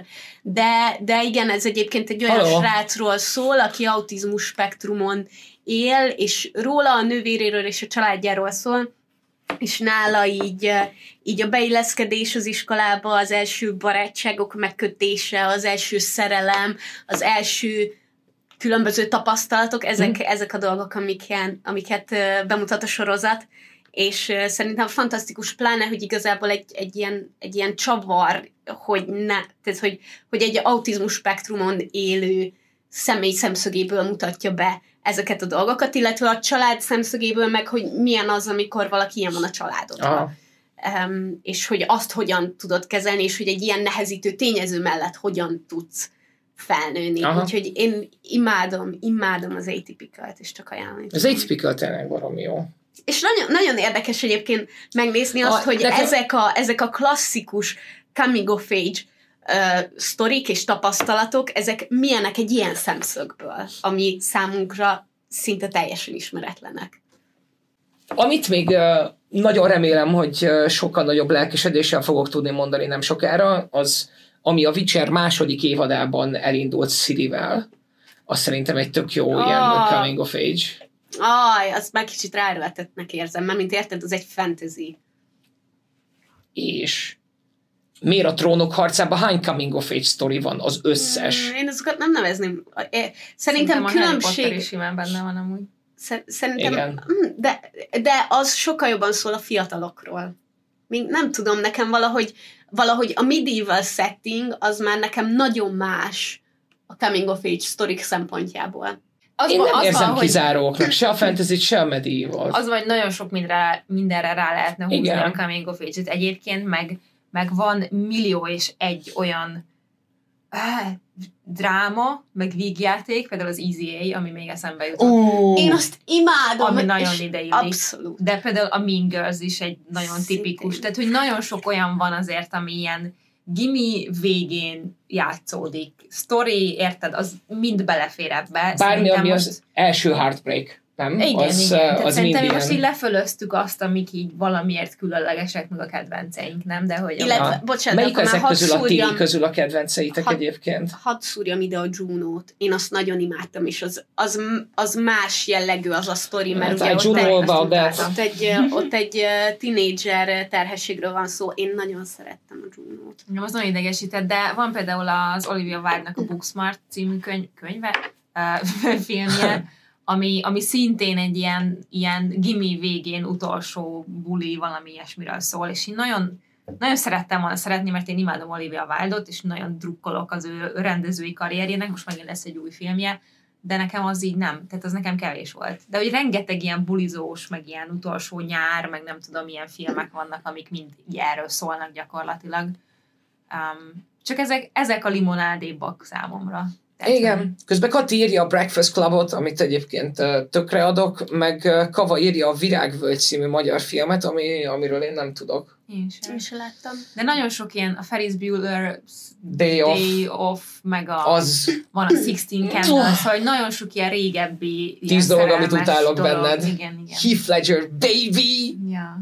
Úgyhogy nagyon-nagyon sok ilyen van, de Igen, szerintem én, én szeretem az ilyen, az ilyen klasszikusan arra mondom, hogy coming of age film, ahol tényleg arról van szó, hogy egy tinédzsernek valamilyen szempontból így végignézhetjük így a hogyan válik fiatal felnőtté igazából, és míg a felnövekedés történet pedig mint történetrész, mint motivum, az viszont rengeteg mindenben megtalálható, pontosan azért, mert, mert egy nagyon, nagyon izgalmas dolog, amivel nagyon könnyű azonosulni, és én nagyon szeretek olyan sztorikat látni képernyőn, ahol valaki valami komoly személyiségfejlődésen megy keresztül. Személyiségfejlődésen is, egy olyan személyiségfejlődésen, amin esetleg még nem is kellett volna végbe mennie benne. Tehát szembe kell néznie valami olyannal, ami rapid növésre kényszeríti. És, Ja, hát a traumáknál ilyen szokott lenni. aha, Van még két film, amit mindenképp be akartam dobni, és pont most írták az egyiket, az a Perks of Being a Wallflower, amit én láttam évekkel ezelőtt, nem nagyon emlékszem rá, azt tudom, hogy Emma Watson az egyik főszereplője, és egy ilyen nagyon, hát ilyen edgy, ilyen film edgy artsy, fiatalokról nem? szól, igen, igen. Uh, úgyhogy az például az, az is egy ilyen nagyon klasszikus, csak én, én annyira nem szerettem, hogy emlékezzek rá, vagy hogy azóta újra megnéztem volna, de az is abszolút ide sorolható. Meg a, a Moonrise Kingdom, ami megint egy, ugye ez egy Wes Anderson film, és ott, ott nagyon fiatalok vannak benne, de az is egy ilyen szerelmi Pont, hogy egy kicsit azért fura, mert annyira fiatalok, és közben szerelmesek, és Mhm. akkor menjünk világá együtt téma, de ezek még szerintem fontos, hogy így elhangozzanak, ha már, ha már ez a téma. a, írják az amerikai History X-et, de abban én nem érzem, nem érzem annyira a, ezt, a, ezt a coming of age dolgot. Jézusom, én Bár- engem örökké fog kísérteni az az egy jelenet, amire emlékszem belőle, úgyhogy nem is Az akarok a- többet. Járdaharapó? A járdaharapos. Engem egyébként sokkal, sokkal inkább tönkretett a, az Edward Furlongos vége. Mert hogy abban a, és most megint off script megyünk, vagy off téma megyek, de hogy abban a filmben annyira szépen megfogják a felesleges halált, és annyira érzed, hogy mennyire kibaszott felesleges a gyűlölködés, és mennyire kibaszott felesleges ezért meghalni. Na mindegy, annyira nem érzem, annyira nem érzem. De tényleg nagyon, nagyon sok az összes ilyen tini dolog, amit említettünk, meg uh, Stranger Amit Things nem. is igazából ide sorolható, hogyha, hogyha nagyon szeretnénk. Meg uh, még van, van egy csomó, ami... Az az igazság, hogy tényleg nagyon sok van, és a legtöbb tényleg az, hogy ilyen feel good, és, eh, és közben meg érdekes dolgokat boncolgat, amiket mi most megfogtunk, azok azok, amik szerintünk valamiért így különlegesek, meg így említésre. Én egy filmudot sikerült hoznom. És a, a többi az... Oké, mi- okay, mi, mi, mi történt itt? Nem tudom. Én, aki megtorpedóztam az eufóriát például ebbe Nagyon a kategóriába. csinálod. Igen, büszke leszel az HBO például. Nem, azt mindenképp nézzétek meg az eufóriát. De Késő. ne, ne coming of age címszó. Az a helyzet, hogy nem te fogod eladni nekik az eufóriát. Valahányszor beszélsz vele, azt mondod, hogy nagyon nyomasztó, nagyon, Nagyon Oké, okay, már bocsánat, de csak azért érdemes megnézni, hogy hogy néz ki, mert Rév Marcel komolyan mondom, vannak jelenetek, amik a szemem előtt vannak. Annyira csodálatosan néztek ki. Tehát, hogy ha valaki utálja a nyomasztó dolgokat, az hang nélkül nézze végig. Vagy nem tudom, nem tudok mit mondani, olyan gyönyörű, hogy beszarok. Jól van, igazából rendbe hoztad. Siker? Sikerrel, sikeresen rendbe hoztad. Úgyhogy Biztosan nagyon sok coming of age sztorit és filmet és sorozatot találtok az HBO Maxon is, úgyhogy ha még nem Fú, de kellemetlen ez, bazd meg, muszáj kivágnom majd ezt az egészet úgy, ahogy van. Úgyhogy inkább csak elköszönünk kedvesen, és azt mondjuk, hogy nagyon-nagyon-nagyon örülünk, hogy ennyien hallgattok minket, és hogy szeretitek ezt a podcastet. Ezt tudjátok jelezni ilyen csillagokkal a megfelelő podcast alkalmazásban egyéb iránt, és ez nekünk mindig nagyon jól esik látni. Nagyon szépen, köszönjük! nagyon szépen köszönjük, hogy itt voltatok velünk ezen a héten is.